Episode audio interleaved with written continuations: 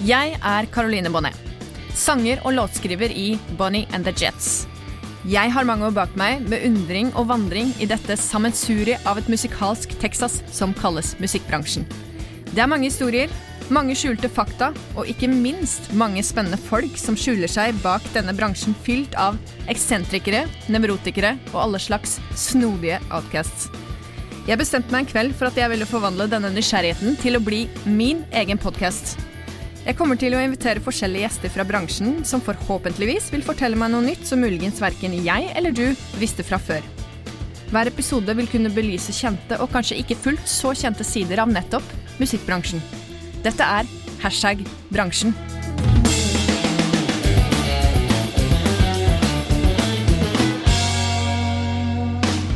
Jeg har lenge hatt et ønske om å ha de som sitter i sofaen foran meg eh, som gjester i hashtag bransjen. Steinar Albrigtsen og Monica Nordli, velkommen skal dere være. Tusen takk. Tusen takk. Jeg pleier jo å gjøre litt uh, research på dem jeg inviterer, og i dag er ikke noe unntak. Uh, Steinar, du har vært med en stund. Ja. Ja. Jeg har vært, heldig der. ja. Født i Hammerfest og nordfra, så starta du karrieren tidlig på 70-tallet. Uh, med fokus på blues, country Mhm. og amerikanske folkemelodier. eh, Kanskje det man kaller americana i dag. Ja, det stemmer nok det. Eh, du er jo barndomskamerat med den ikke så ukjente Jørn Hoel, og dere spilte mye rundt i mange år, og har også, som mange vet, gitt ut plate sammen. Ja da. 1990 var året du uh, breaka med debutalbumet 'Alone Too Long', og med hiten 'Till The Morning Comes'. Siden det så har du gitt ut mange album og veldig mye musikk, med og uten andre. Du har også bidratt mye i Frelsesarmeens prosjekt Julemusikantene. Mm. Monica, du Uh, Ifølge internettet så ga du ut ditt debutalbum uh, som soloartist i 2005, 'Minor Mode', hvorpå låta med samme navn for øvrig er en favoritt hos meg. Oh. Ellers så er du jo fra et veldig fint fylke, Telemark. Yeah. Uh, vi sier vel fortsatt det, selv om det heter Vestfold og Telemark nå, så ja. Eh, nærmere bestemt Nissedal. Ja. Og du har en mye finere dialekt enn eh, det jeg kan skryte av, som er fra Porsgrunn, men Jeg vet nå ikke det, da. Eh, eh, Jo. Eh, artist og låtskriver som du er, ga, har du gitt ut mange album, og du har også jobba i mange, mange år som artist, låtskriver og musiker. Mm. Og så ble jo historien sånn at dere møtte hverandre, og i, det var i herrens år Når var det egentlig? Det var i det herrens år 2007, tror jeg. Ja, ja. Ja, jeg var, Ja. det, er jo, det er jo ordentlig klisjete historie, Ja. helt kort. For at eh, jeg var i studio for å spille inn en sang som handler om å gjøre det slutt. Oi. Og det var en som angra veldig på at han gjorde det slutt. Eh, Wish he just could press rewind. Ikke sant? OK. Du får den følelsen av Ja, Ja, skulle du kunne spole tilbake og, Ja. og ta over det dumme du sa. Mm. Og, og så mangla vi en duettpartner, og Mm. Hilde Heltberg var jo veldig ofte som sang med Jonas Fjell. Eh, Lynni Trekrem hadde på en måte nesten lagt opp på, måte, på den tida. Og eh, Rita Eriksen ble jo brukt til veldig mye eh, duett eh, rundt Mm. omkring i, i, av andre artister. Så min, eh, min kompanjong og eh, produsentvenn og gitarist Ernst Nicolaisen, han kom på navnet Monica Nordli, og hun kom i studio. og så oppsto det søt musikk. Ja, fy a meg. Og resten er historie. ja. Så dere har de siste åra vært, eh, eller helt siden dere traff hverandre kanskje, vært da profesjonelle samarbeidspartnere og Ja, spilt hundrevis av konserter sammen. Mm. Sykdom og korona har da satt en stopper for oss alle på mange plan. Eh, men jeg har hørt rykter om at dere driver på med noen spennende prosjekter og har eh, en del studioarbeid på gang. Ehm, og jeg betrakter eh, dere som gode venner av Dagfinn og meg, og vi var jo så heldige å få være med dere på en Nancy Griffith-tribute på Herr Nilsen. For eh, det føles som det er mange år siden, men Ja. eh, hvor lenge siden er det? Et par år siden. Par år siden. Ja, det er det? Å Ja. nei, guri. uh, I hvert fall så har jeg lyst til å spørre, hva tenker du når jeg sier hashtag bransjen, Monica? Da tenker jeg at det syns jeg er flott at endelig det har kommet At du kom på det, den ideen her, Karoline. Eh, og at det blir litt fokus på det. fordi at veldig ofte så ser man jo bare smørsida til hovedvokalister og hva som skjer. Men, men konseptet ditt med å fortelle folk der ute litt mer hva er det som rører seg bak, eh, og bredden i alt som skjer, eh, og hvor mange egentlig det som er som jobber, da. Som ikke syns så veldig. Og jeg tenker nå i disse koronatider der vi vil ha regjeringen til å bevilge mer penger, også til sceneteknikere, til alle som rigger. Mm. Så til mer man kan opplyse folket om dette, til bedre. Ja, ikke sant. Og du da, Steinar? Hva assosierer du med hashtag bransjen? Nei, jeg må si at jeg er jo enig med min kone. Ja. Nei, det hørtes jo veldig sosialdemokratisk eh, sagt ut. Nei, jeg må jo si at det, det er veldig, som hun sier, det, det er veldig artig liksom, at du på en måte prøver å komme litt under huden på hva det egentlig handler om å være artist, på en eller annen måte. Det er jo så fint ord. Men egentlig så har jeg jo alltid bare kalt meg sjøl for uh, trubadur, eller kulturarbeider. Ja. Og, og på 70-tallet da jeg sang viser, og noen viser var litt sintere enn andre viser Jeg er jo såpass gammel, vet du, så jeg var med på den der litt sånn uh, radikale visebølgen som, som kom da, og Ja. skylte innover Norge. Så ikke Mm. bare Lillebjørn Nilsen og de der, men, men også en del uh, politisk musikk. Sånt. Så det savner jeg kanskje litt i bransjen, at de som har fått en stemme som, som høres over hele verden, Syng bare om tyggegummi, holdt jeg på å si. ja. Du mister smaken veldig fort. Mm. Jeg tenker på eh, Tom Pacheco. her. Vi spilte inn en sang som heter 'Beaches of Rio' i 1993, som omhandla gatebarn som ble Mm. drept i Brasil. Eh, og det starta en stor aksjon i Norge som, som ja, avstedkom veldig mye eh, midler til hun som, eh, som driver dette Casa Emanuel i Sao Paulo. eh, Et hjem for gatebarn. Så. Så sånn kan kan en sang fungere. Jeg savner det, må jeg si, i, i bransjen. altså. Det er mye makt i musikk, og jeg er helt enig med deg at det Ja. er noe ja, folk som har et navn, absolutt burde på en måte Mm. Få Så, fram mer. Det fins jo andre enn U2 og, og Sting, ikke sant. Det gjør jo det. Men for å spole litt tilbake, da. Du snakka om at du var med i en slags uh, Altså det var politiske vibber i musikken og Mm. denne visesjangeren og det du da var en del av å på en måte skape på 70-tallet. Eh, hva er det som gjorde at du havna i musikkbransjen, Steinar? Det er et interessant spørsmål. Um, min bror Jeg har en uh, bror som er fem år eldre enn meg, som eh, kom dragende inn med, med plater som jeg syntes var veldig tøff. Steppenwolf, The Band Mm. og sånne ting. Og han likte den rette musikken, syns jeg. Jeg likte Jethro Tull. Og da begynte jeg å spille akustisk gitar, liksom, litt pga. Jetro Tull og jeg hørte der greia der. Og, og så, parallelt så hørte jeg jo mye på Lillebjørn og, og, og Finn Kalvik, og det er mine usynlige gitarlærere Mm. på en måte. Satt oppe på gutterommet i Tromsdalen. Jeg kunne jo aldri drømt om at jeg skulle få lov å leve av musikk. Men jeg husker jeg satt og fomla med den gitaren på gutterommet med en eh, dårlig Landola nylonsønsgitar mm. som var altfor høy på strengene. Da skulle jeg hatt han mannen din, han Dagfinn, der. Ja. Men uh, Dagfinn er gitartekniker, bare så det er sagt. Nei, altså så uh, Jeg må jo si at uh,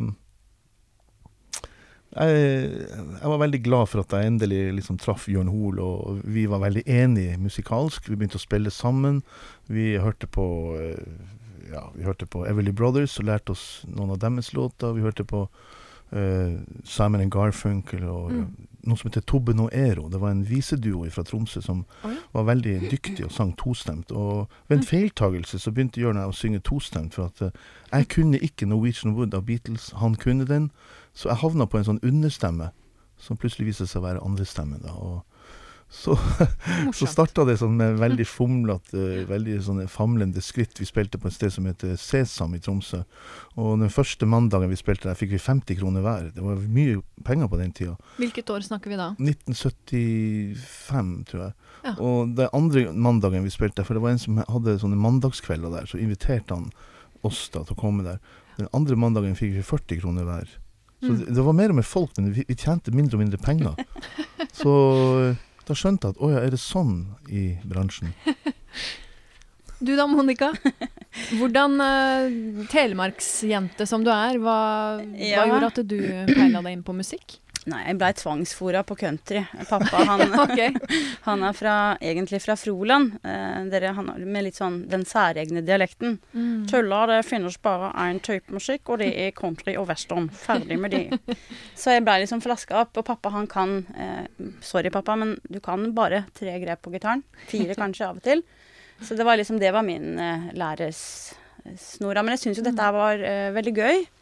Eh, og jeg var nok eh, Selv om jeg var sjenert, så syntes jeg det var veldig morsomt å opptre. Så jeg meldte meg frivillig på alle grendehus og skoletilstelninger og liksom Ja, men jeg kan synge. Mm. Så var det jo Varden Busk, da, som noen kjenner til. Som Ja. var eh, fra grenlandsfenomen. Eh, Terje Velle Busk. Der var jeg med som 14-åring. Og så har vi liksom alltid hatt musikk som en hobby. Eh, prøvde meg som trubadur. Var Vest-Telemarks verste trubadur. Eh, jeg fikk beskjed om å ta en du kan og sånn. Jeg hadde en bassforsterker som jeg trodde var sanganlegg. Skrudde den på tolv. og spilte liksom ti låter. Eh, om igjen og om igjen og om igjen og om igjen. Eh, det var ikke bra. Så da begynte jeg å skrive låter. Ja. Så går tiden, og jeg flytter til Oslo. Og så er jeg så heldig at akkurat når jeg kom til Oslo, så var Route 66 på sitt høydepunkt.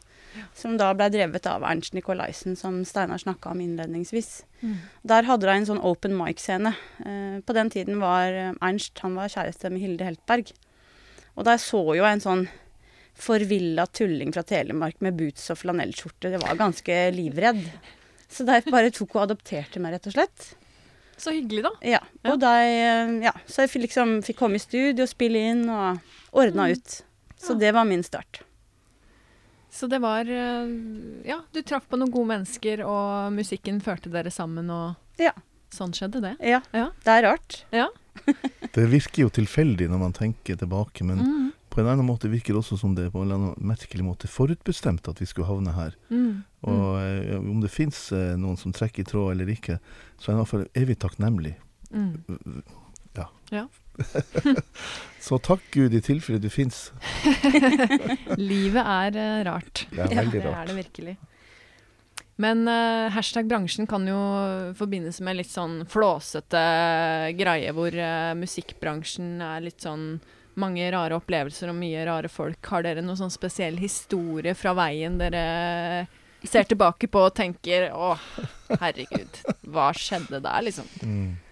Ja, så vi skal ha god tid har du? Vi har god tid, kjør på.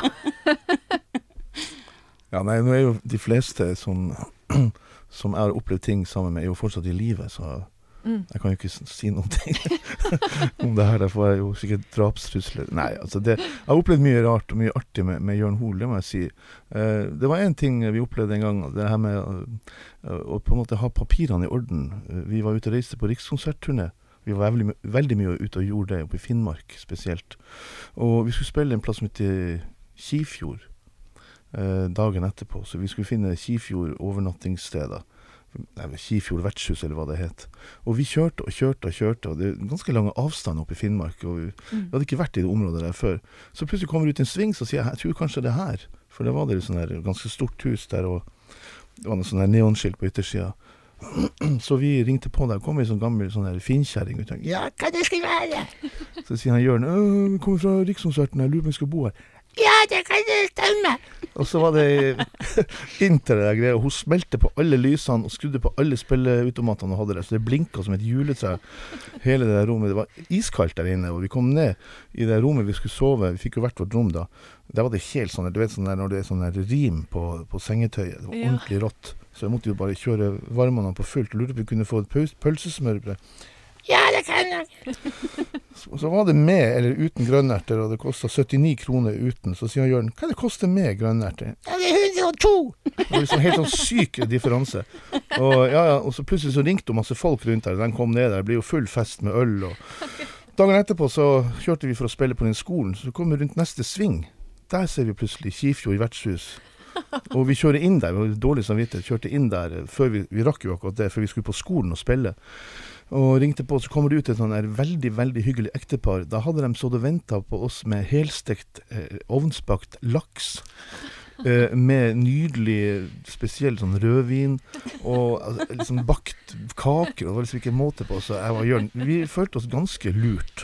ja, det skjønner Men så tenkte vi at vi kanskje burde se litt nøyere på papirene neste gang. og det er bare en bitte liten anekdote. Mm, mm. Den var fin. Så jeg og Jørn fant ut jo at de har spilt i Vi hadde spilt i Ifjord, Kifjord, Forfjord og Bakfjord. Så det høres ut som en sang av eh, Øystein Sunde. Monica, da? Har du noe Ja, så jeg har jo opplevd mye rart med Steinar. Eh, Ja. Det får han jo si, men eh, det kan vi jo Du spare. begynner å skylde på meg nå. Ja. Nei, det var jo ikke din skyld, men, eh, men det er klart at det er jo ikke så luksuriøst bestandig. Nei. Men jeg kan ta den første opplevelsen jeg hadde som soloartist. Ja, gjør det. Da jeg kom jeg ut med plata mi, som du sa, i 2005, Mm. Minor Mode. Og da var jeg altså så stolt. Jeg var sprekkferdig, for da skulle jeg få lov å signere plater på bensinstasjon. Mm. Eh, Og en platebutikk på Downtown i Porsgrunn. Jeg var jo Downtown, altså for dere som ikke har vært i uh, Porsgrunn, it's the thing. Ja, det var Downtown, jo var ikke det veldig populært? jo. Jo, jo. Altså, det, det er fortsatt veldig populært. Ok, det eksisterer. Det eksisterer. Så jeg var altså så stolt og tenkte nå er liksom Man er jo ganske naiv da når Mm. man starter, ikke sant. Så jeg tenkte nå er det gjort. Nå er det liksom Jeg så jo stjerner og planeter omtrent. Uh, kommer da, uh, etter den første platesigneringen som var grei, skal jeg da på Lurer på om det var en sånn Shell-stasjon. Eh, ja. Og så pisser det ned av regn, så det er liksom Det kommer ikke et menneske. Så de syns jo litt synd på meg, da. Mm. Så sier de at nei, det her kan vi bare Det får vi bare liksom skroten, skrinlegge. Men eh, skulle jeg ned og spille sammen, eh, varme opp for Jørn Hoel, faktisk. eh, på, på en festival til Gjøro, Bjøro Haaland og Liv Haaland, Ja. Dark Season. Så sier de at når du kommer opp igjen fra den på søndagen, så skal vi ordne noe her på eh, lurer på om det var badeland på Langesund. Et- Badeparken. Badeparken inni Ja. en sånn hall. Ok. Så tenkte jeg ja, jøss, så denne konserten eh, på festivalen gikk kjempefint. Og jeg var ennå jeg tenkte at nå, nå breaker jeg, nå går det Mm. stort. Da blir jeg altså plassert på en innebandybane uten scene, og så er det sikkert 300 unger som spiller innebandy mens jeg synger. Nei. Så jeg bare liksom midt en låt, så får jeg bare liksom pucken midt i trynet. og, det, det, og da tenkte jeg ja, der kommer du ned av din høye hest i kjerring, sånn er det nok. Og det var en litt sånn deilig vekker, og som var veldig funny etterpå. Men platesignering i tom butikk, det har jo jeg også vært utsatt for flere ganger. Og, og spilt på kjøpesenter. Og, Ja. spiller på kjøpesenter, kommer forbi en familie som sier 'Mamma, hvem er han der?' Eller sånn. Og du tror liksom du er liksom popstjerne. Og det er liksom, du får liksom uh, jenka seg litt ned, da. Ja. Men altså, det er jo ikke bare vi. det fins jo en verdensberømt film som heter 'Spinal Tap'.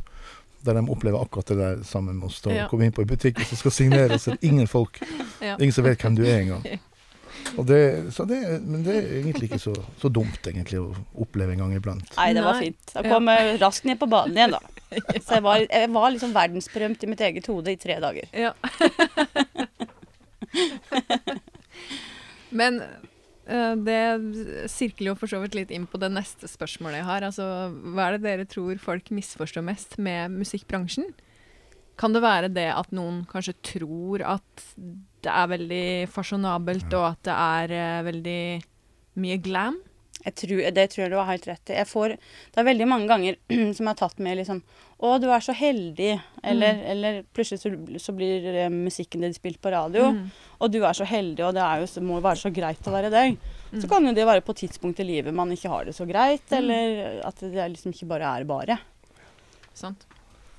Ja, og så er det jo det der med at um, eh, si, eh, Unnskyld.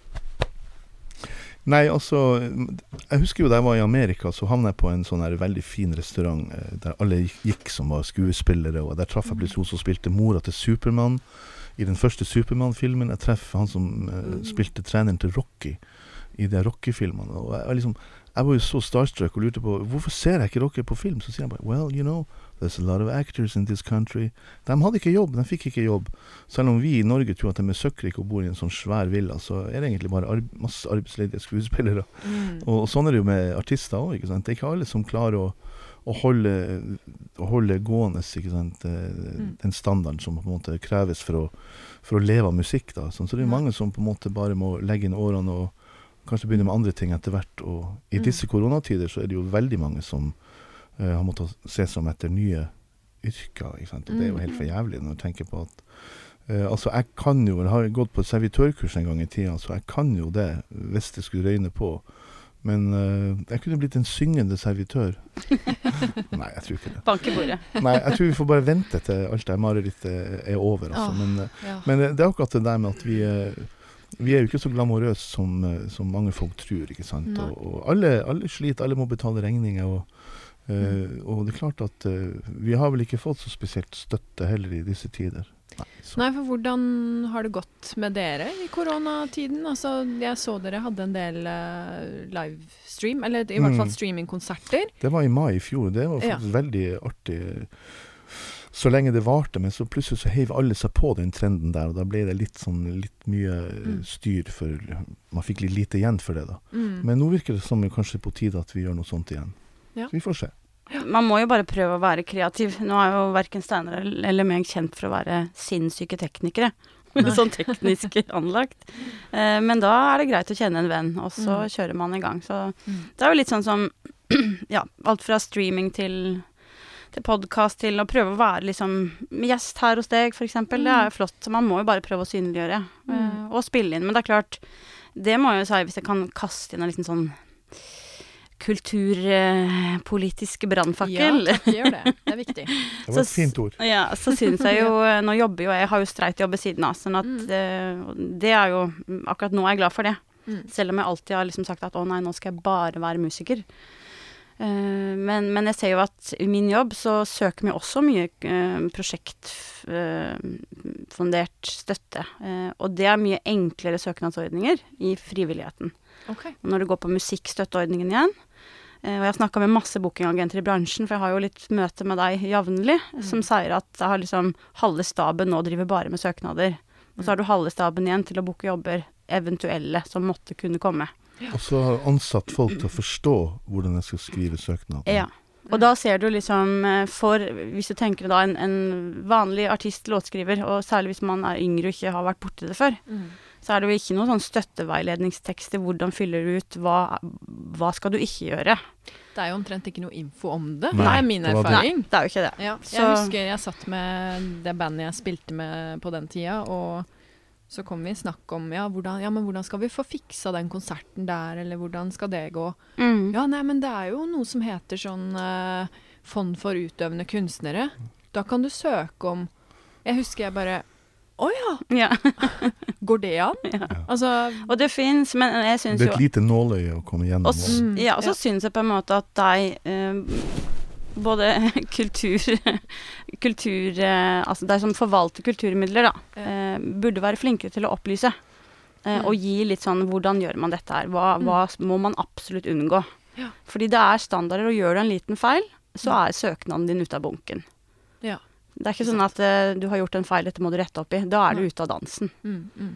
Sånn at uh, man snakker veldig mye om uh, mangfold, at man skal ha med mangfold og bredde. Og jeg var bl.a. i et fellesmøte med lederen for Creo, som er på en måte hovedorganisasjonen til musikere. Ja. Der jeg spilte inn dette til henne, da, at her trengs det mangfold, og da må støtteordningene justeres. Mm. Veldig bra Stå på krava. Ja. ja, men det er kjempeviktig. Ja. Og det er jo ja, også noe av grunnen til at jeg har dratt inn det som tema i en del av episodene. Fordi Mm. det er klart, i den podkasten her så har jeg jo lyst til at artister og musikere og folk i bransjen og de som ikke er i den og for så vidt, skal lære litt om hvordan det faktisk funker, og hva som Hvilken hjelp og hvilke verktøy man kan bruke da, for, Mm. å, for å få ut den musikken man ønsker, eller ja, Mm, for å kunne på en måte Ja.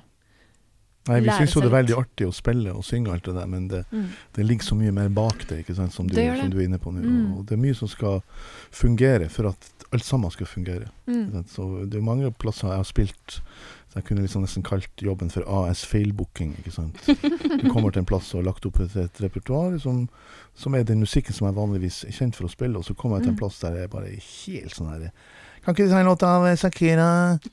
Altså, og da blir det skjønner du at oi, ups. Ja.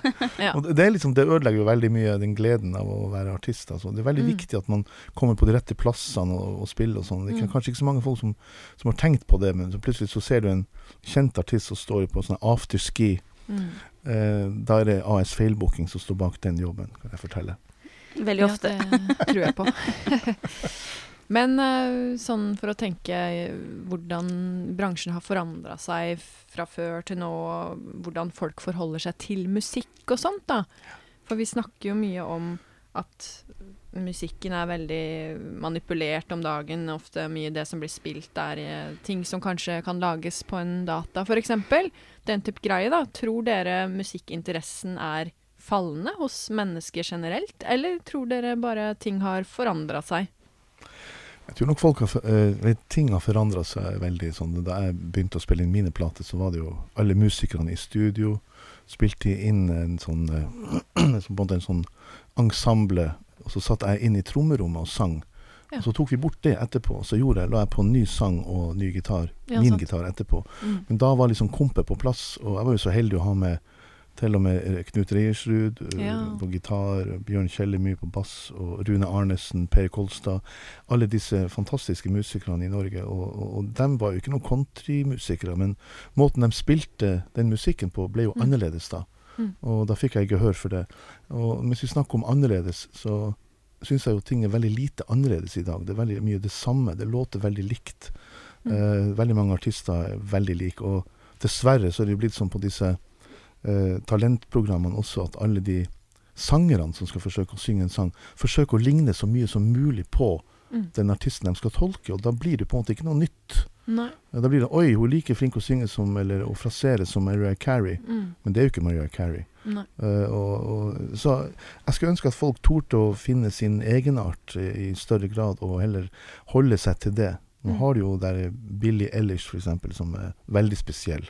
Mm. Og så har hun gjort suksess på å være veldig spesiell. Så kanskje hun kan være en rettesnor for en del folk som uh, er usikre på om de har noe fare med musikalsk. Mm.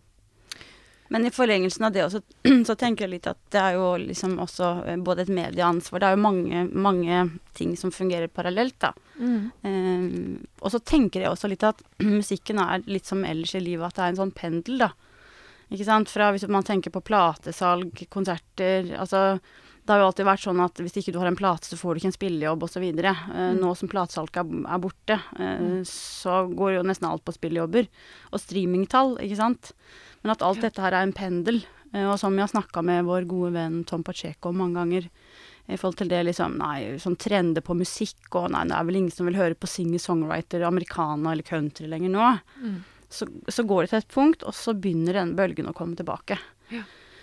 Sånn at Ja, jeg vet ikke.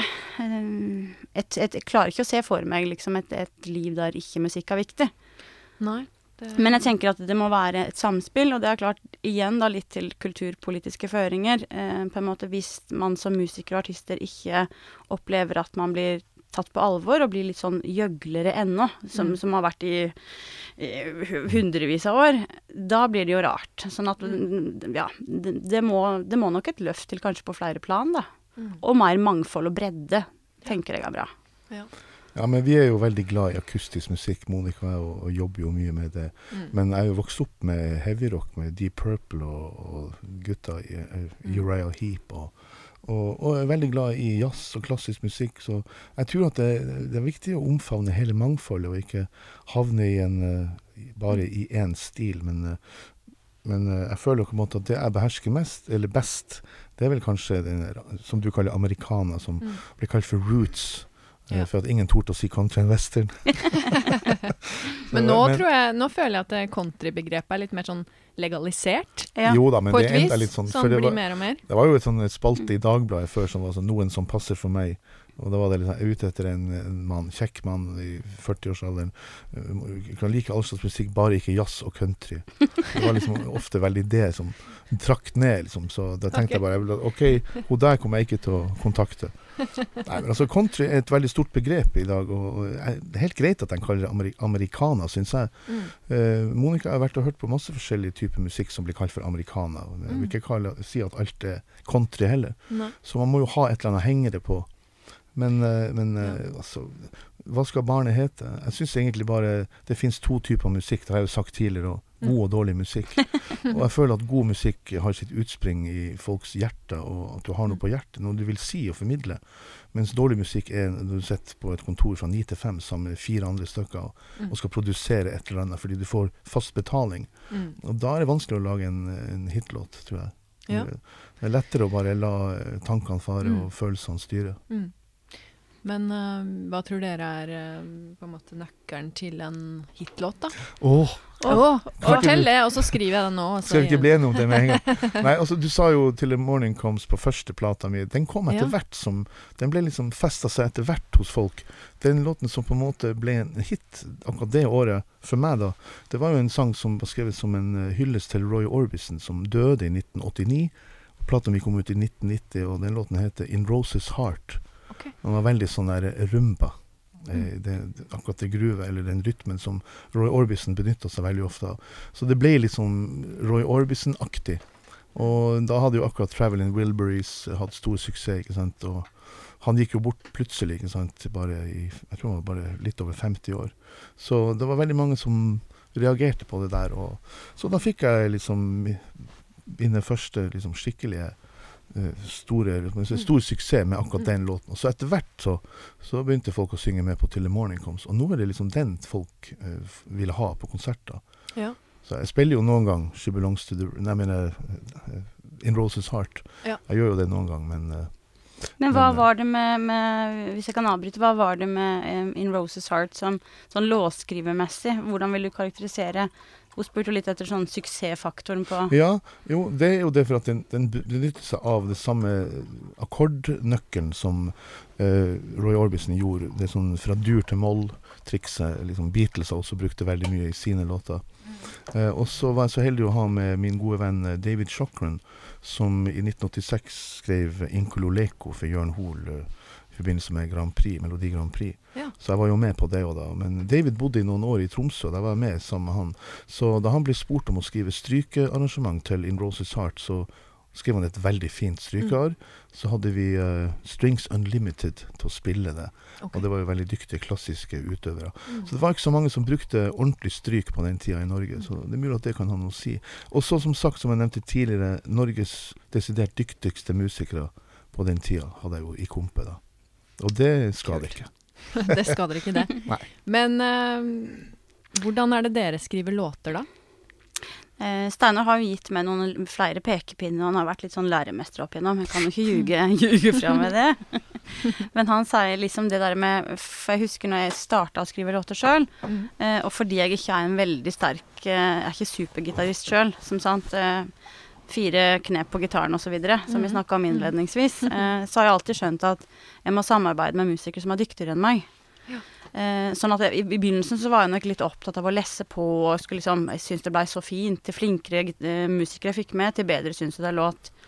Men så er det litt sånn som Steinar sier, at hvis det ikke det funker på en kassegitar, så kan man egentlig skrote den sangen. Det enkle er ofte det beste. Ja, sant? Oh, Det, det er bra. Det der skulle Ja. noen ha brukt. Ja, ja. Ja, det skulle noen ha brukt. ja. Ja. Nei da. Og så skriver vi jo på veldig mange forskjellige måter. Altså om, om det er eh, en, en, en groove som kommer først, eller en, Ja. en tekstlinje eller en melodi. Det er litt sånn Vi satt oppe i Telemark hos uh, pappaen til Monica og uh, fikk en henvendelse fra vår gode venn Arlie Karlsen, som har et sånn countryband i området der, og, Mm. og lurte på om vi, vi hadde noe til han. Og han var så glad i Tom Pacheco sine låter som det var litt fart i, da. Mm. Eh, men han skulle synge på norsk. Og da gikk vi i gang, jeg og Monica, og gjendikta eh, en av Toms mest kjente sanger, Robert and Ramona, til norsk. Og det gikk så det grein, altså. Det tok en time, så hadde vi klart å knekke den nøkkelen oppe i Telemark da, i stua til eh, faren til Monica. Og, og sendte den til eh, Arli, og han har spilt den inn og lagd musikkvideo. Det ligger på YouTube. Kult. Sangen heter Robert and Ramona enda, men, men den, det er jo en norsk tekst. Ja. Eh, og det, egentlig så var vi veldig tro mot Tom Pacheco sin historie, som jo Jeg kan bare helt kort nevne det. Eh, den historia der er jo den samme historien som Thelma Louise, og det er fordi at hun som skrev manuset til Thelma Louise, var på konsert med Tom Pacheco i 1982 i Nashville og Mm. skrev ned notater på, konvolutten- på en serviett. Og eh, i ettertid så har hun innrømt at eh, det var den låten som inspirerte henne til å skrive manuset Thelma og Louise. Så nå vet dere det, folkens. Ok. ja. Den eh, låten Robert and Ramona slutter nesten akkurat sånn som filmen. Husker du hvordan filmen slutta? Nei, jeg er så dårlig på å huske filmer. De kjørte utfor stupet. Ah, Ja. Og det er en liten epilog i låten til Tom da, som, for, fortell, som Ja. forteller litt videre hva som skjedde. Men, men jeg, jeg, var, jeg ble jo bare jævlig irritert, for å si det eh, på nordnorsk. Ja. At ikke hun kunne skrive sånn, da filmen var ferdig This film is based on a song by Tom Pacheco Mm. with the name Robert and Ramona. For da hadde han da hadde han eh, hatt eh, si, mye bedre råd i Ja. dag enn, han, enn han har. Eh, men han havna i den der kultfigurskuffa, ikke sant, der Mm. folk som Keith Richards eh, har vært på konsert med Tom og også skrevet sanger med Tom, vært hjemme hos Tom, blitt en god venn av Tom, eh, og mener han er en av verdens dyktigste singer-songwriters. Og da sa han også i parentes Keith Richards eh, And I know Bob Dylan personally. det var litt bra sagt, Altså. Så eh, vi, vi føler jo at vi, vi kjenner en mann som er, er mye større enn han eh, Mm. enn han gir, gir inntrykk av sjøl. Og, og han har veldig mange folk som, som følger han eh, over hele verden. Og det kan du jo si også sånn litt som du spurte om innledningsvis nå, også i forhold til det med, med låtskriving.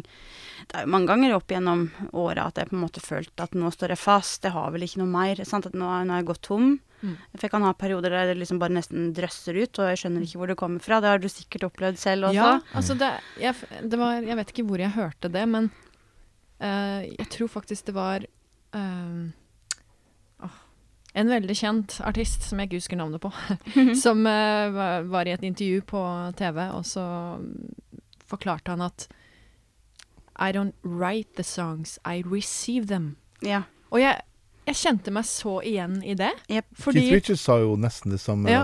It's not about being able to write songs, it's about being able to catch them as they drift by. Ja, ja, ja. Og så bare ja. gjorde han sånn. Og det Men var eh, ja, det er, det er så tatt på kornet, da. For Ja. jeg bare Veldig. Det er sånn Plutselig så kan det bare være en låt der, og så har det gått 20 minutter, liksom. Ja. Mens andre tenke ganger kan jeg bare prøve å mane fram Ja. noe, og så bare skjer Og det ikke noe. Noen sanger virker det som alltid, de alltid har vært der. Ja, Eller de skulle blitt skrevet uh, Ja. før eller siden. ja. Tekst og melodi. Men Ja. plutselig så er de der, og så tenker Ja. du hei, hvor den låten var før? Ja. Det er så rart. Men det er sånn som jeg har ringt da til Tom noen ganger da jeg har opplevd tørke. Mm. Og liksom, å gud a meg, og mannen har jo skrevet over 3000 sanger. Eh, han har 3000 tekster, helt, dette er ikke ljug, eh, Wow. eh, på papir. Ikke noe backup på, la, på laptop, altså her. Oi. Permer som står liksom bortover i skrivegreia si. Han har jo glemt melodien på sikkert en halvparten av deg.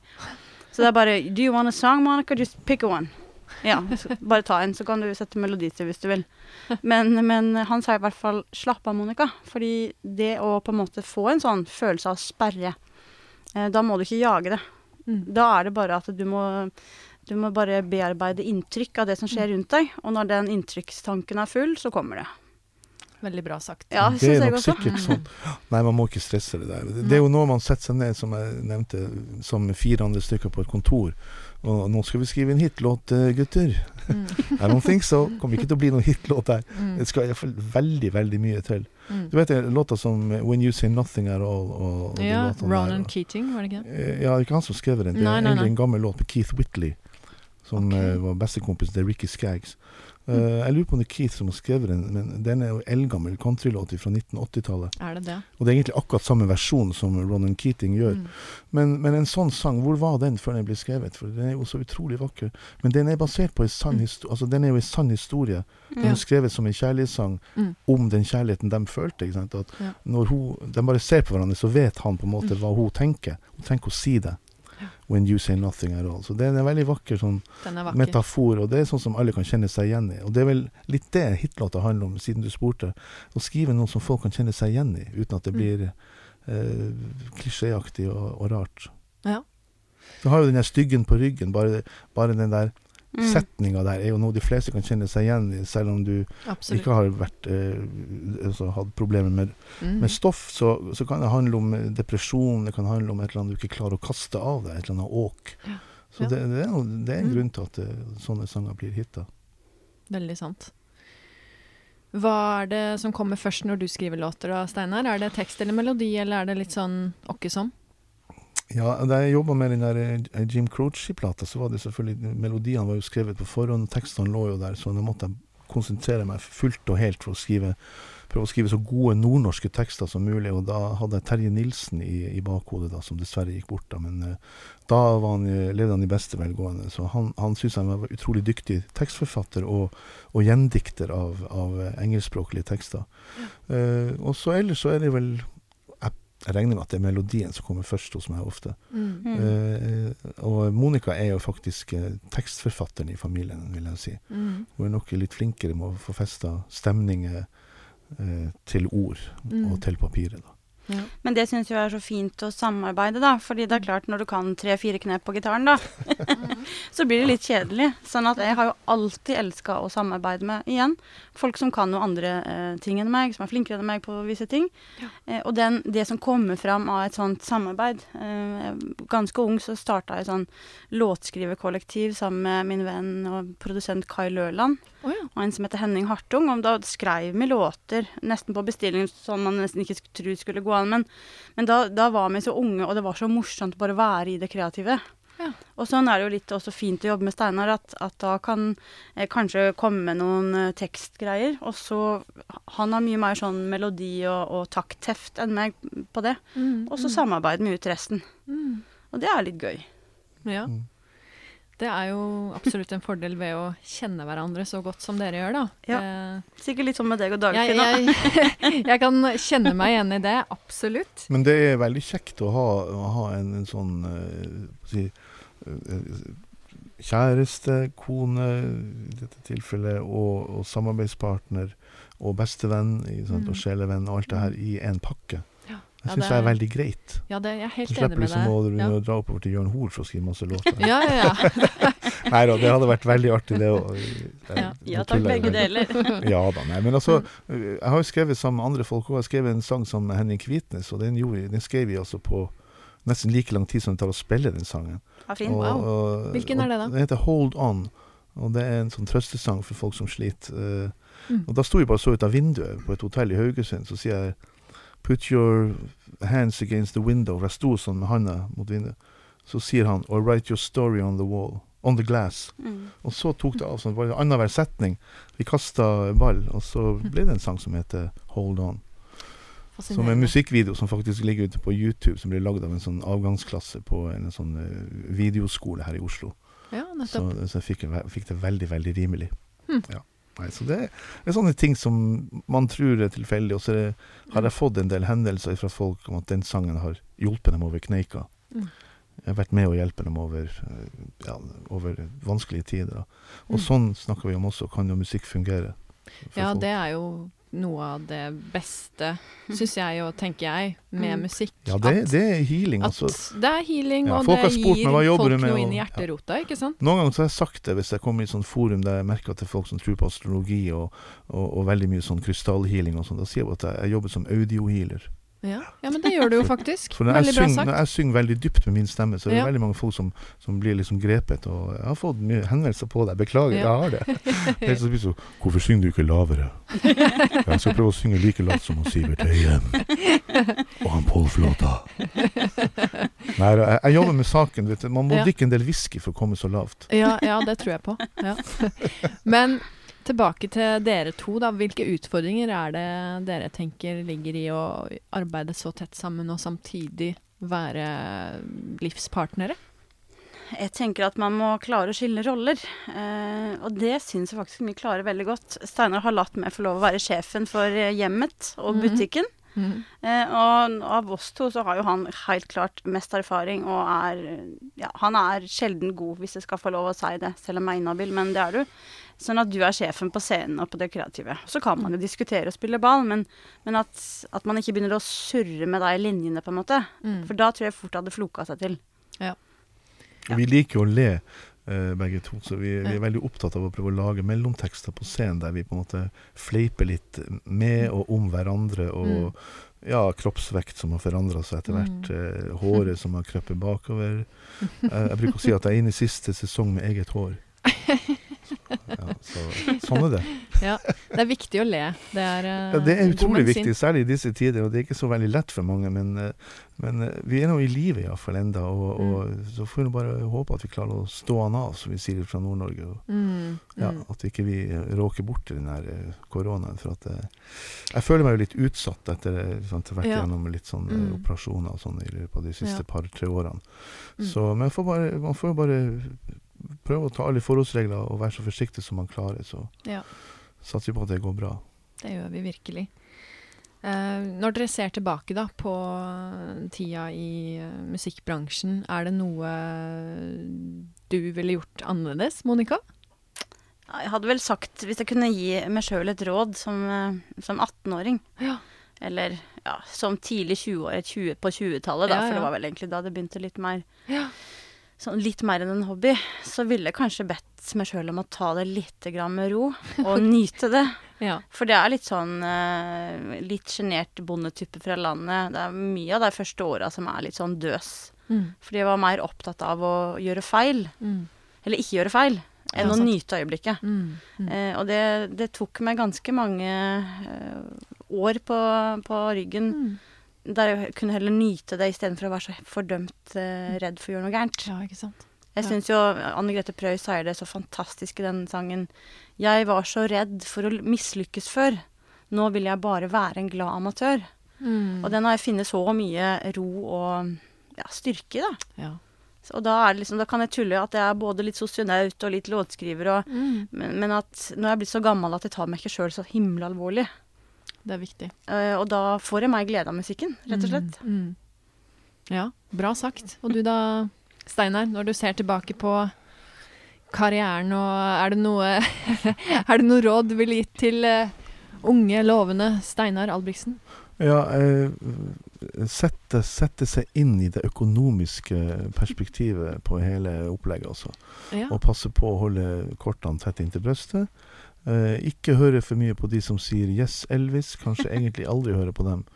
Eller høre på dem som kritiserer det du gjør, og lurer på om det Mm. egentlig er bra nok, eller kommer konstruktive forslag.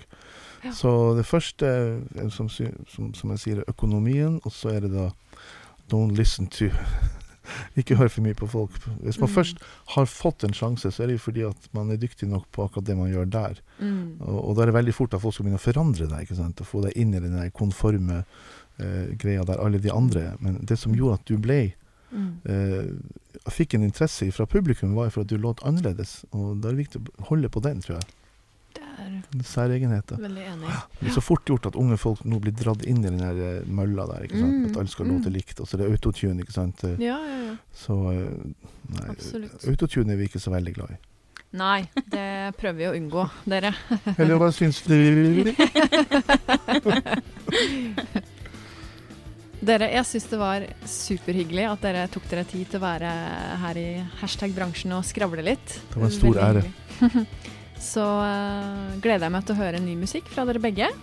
Ja, det gjør vi jo. Og vi gleder oss til å høre ny musikk fra deg og, og fra Mm. Dagfinn òg. Ja, det blir spennende. Så takker jeg for at du hører på hashtag bransjen.